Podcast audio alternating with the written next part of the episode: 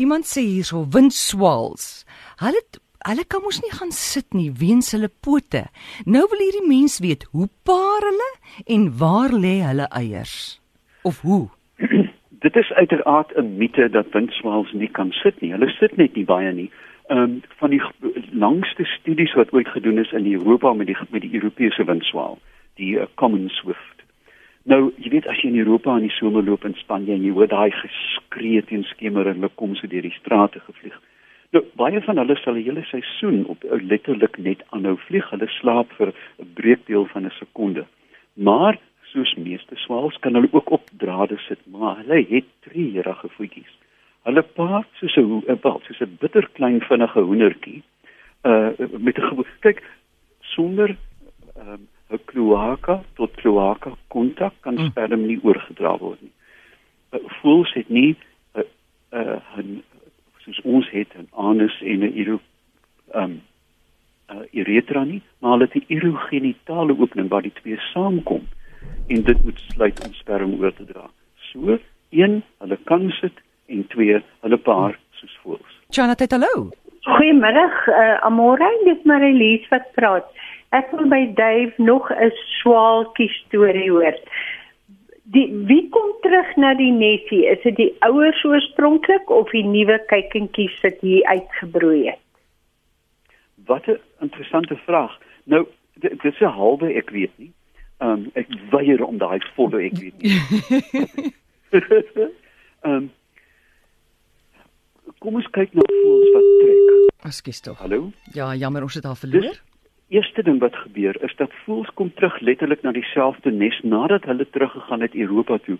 Ons weet van jakkalsvoëls byvoorbeeld dat uh, die wat ringe aan het, dat hulle net dieselfde paal toe kom buite mamesbrief vir 15 jaar. Dieselfde voël kom sit op dieselfde paal elke jaar. Uh, en so geld dit dan ook met swalkies. Wat wel gebeur, daar is 'n rotasie van die ouers. As 'n wyfie of 'n mannetjie sou vrek, word hulle byna oombliklik vervang. So dit bly 'n familie ding met die kleintjies um, kom gewoonlik nes een van die ouers indien beide ouers sou sterf op aan die aan die in die noordelike halfrond of terwyl hulle trek dan uh, sal nuus daar intrek en moontlik van die kleintjies maar dit bly 'n familiebesigheid. Oulik, Chanatheid, goeiemôre. Uh, goeiemôre, Amore, is Marie Botha wat praat. Ja, Marie. Ek wil graag weet hoekom met die sonsverduistering sê hulle dit maak 'n halwe skade weer. Is 'n swak lig dan nie maar net 'n swak skade weer nie? Of 'n half maan skade weer? Dave, ek verstaan nie heeltemal die vraag nie, maar kom ons kyk net gou na sonsverduisterings. Die uiteraard is dit die maan wat tussen die aarde en die son in beweeg.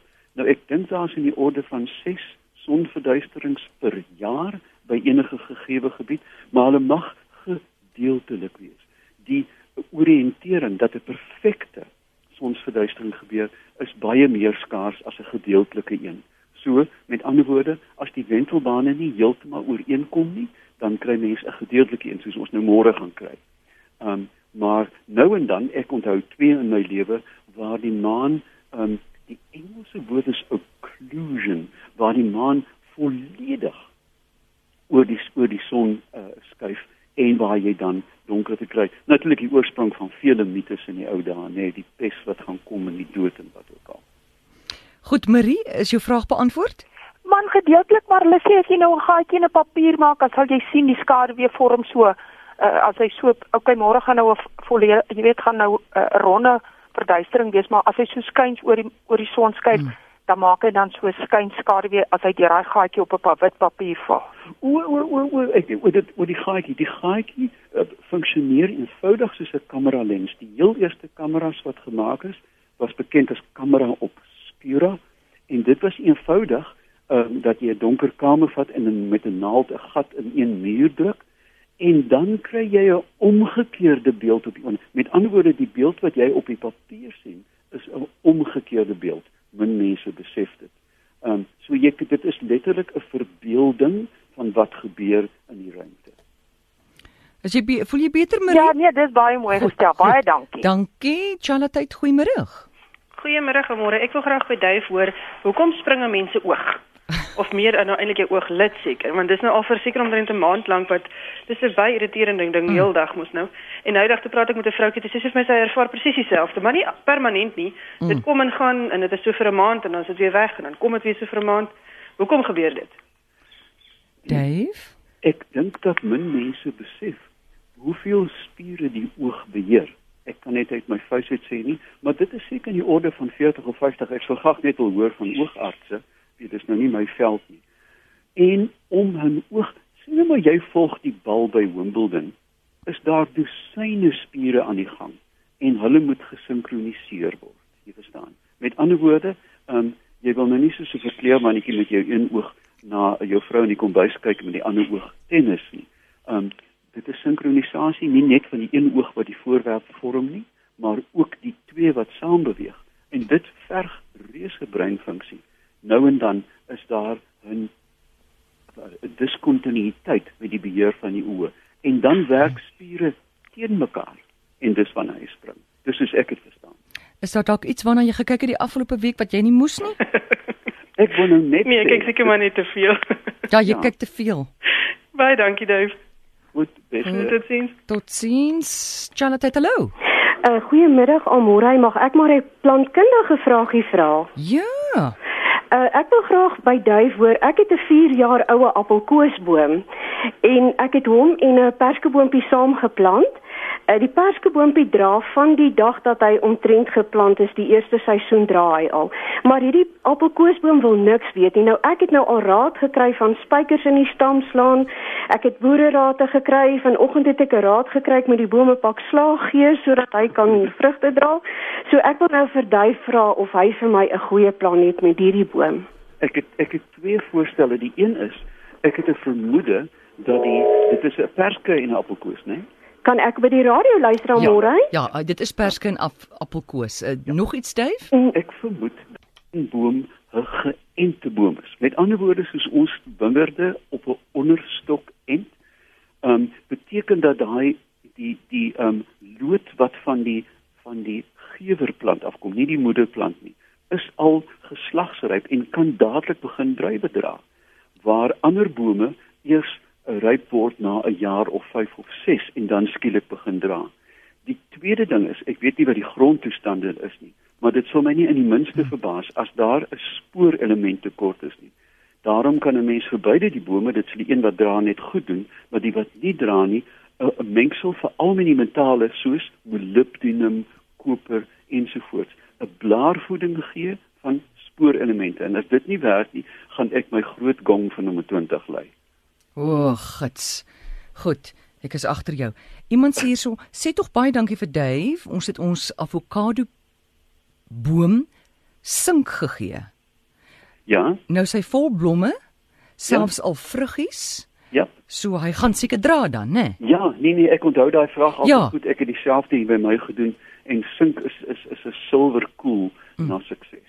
Wonderlik. Charlotte, goeiemiddag. Maar dan kan ek dit net vra asseblief. Dave, is die ene ore. Sit net jou radio af. Okay. Vra. Jy, Ja? uh, ek wil net weet. Uh, hoekom is dit dat uh, party vrouens, kyk ek is nou uh hier baie verhoudings gewees. Nie nie nie, nie uh, losbandig nie, maar ek meen hoekom kan 'n vrou Mm. baie vrouens nie orgasme hê nie? Dit is 'n interessante vraag. Ja, kyk, daar is twee Dit is so frustrerend vir 'n man. Ja, dis frustrerend vir 'n man. Ja, dit is uiteraard. Maar wie frustrerend is dit vir 'n vrou? Ek maar hoekom kan hulle nie? Ons ons doen ons beste, ons gee hulle alles wat daar is en hulle uh, bereik nie daai punt nie.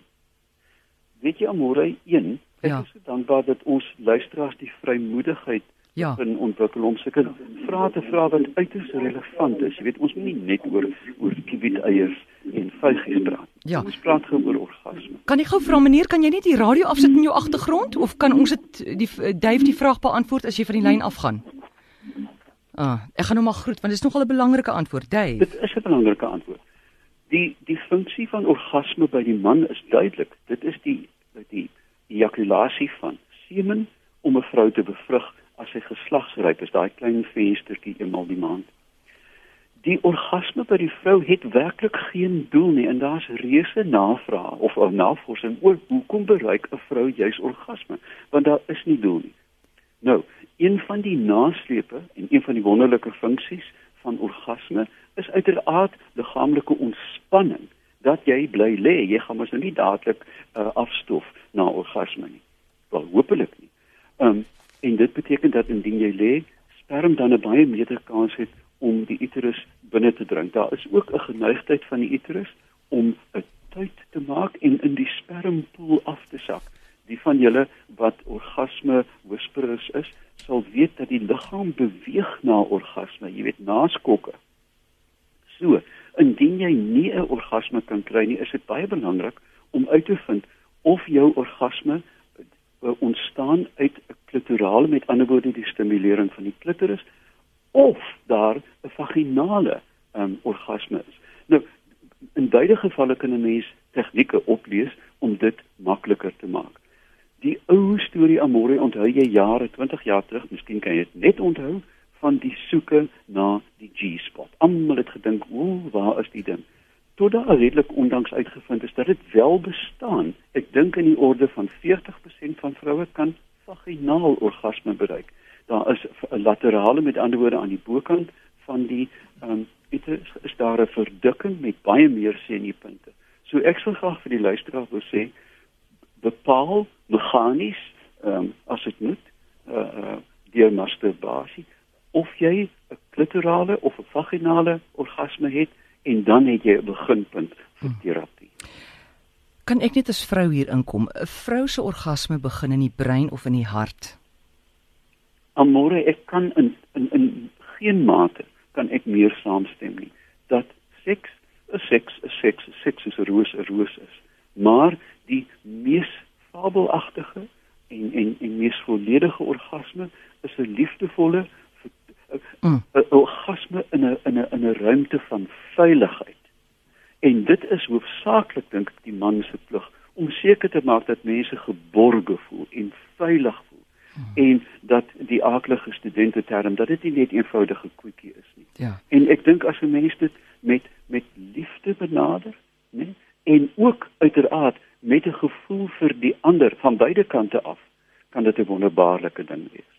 Goed, Dave, ons moet nou groet. Sê gou vinnig weer waartoe gaan jy en waar kan ons bespreek? Ja, ek gaan Borneo toe. Ek dink daar is ek nog 'n plek uitgeval, maar die tyd raak nou knap.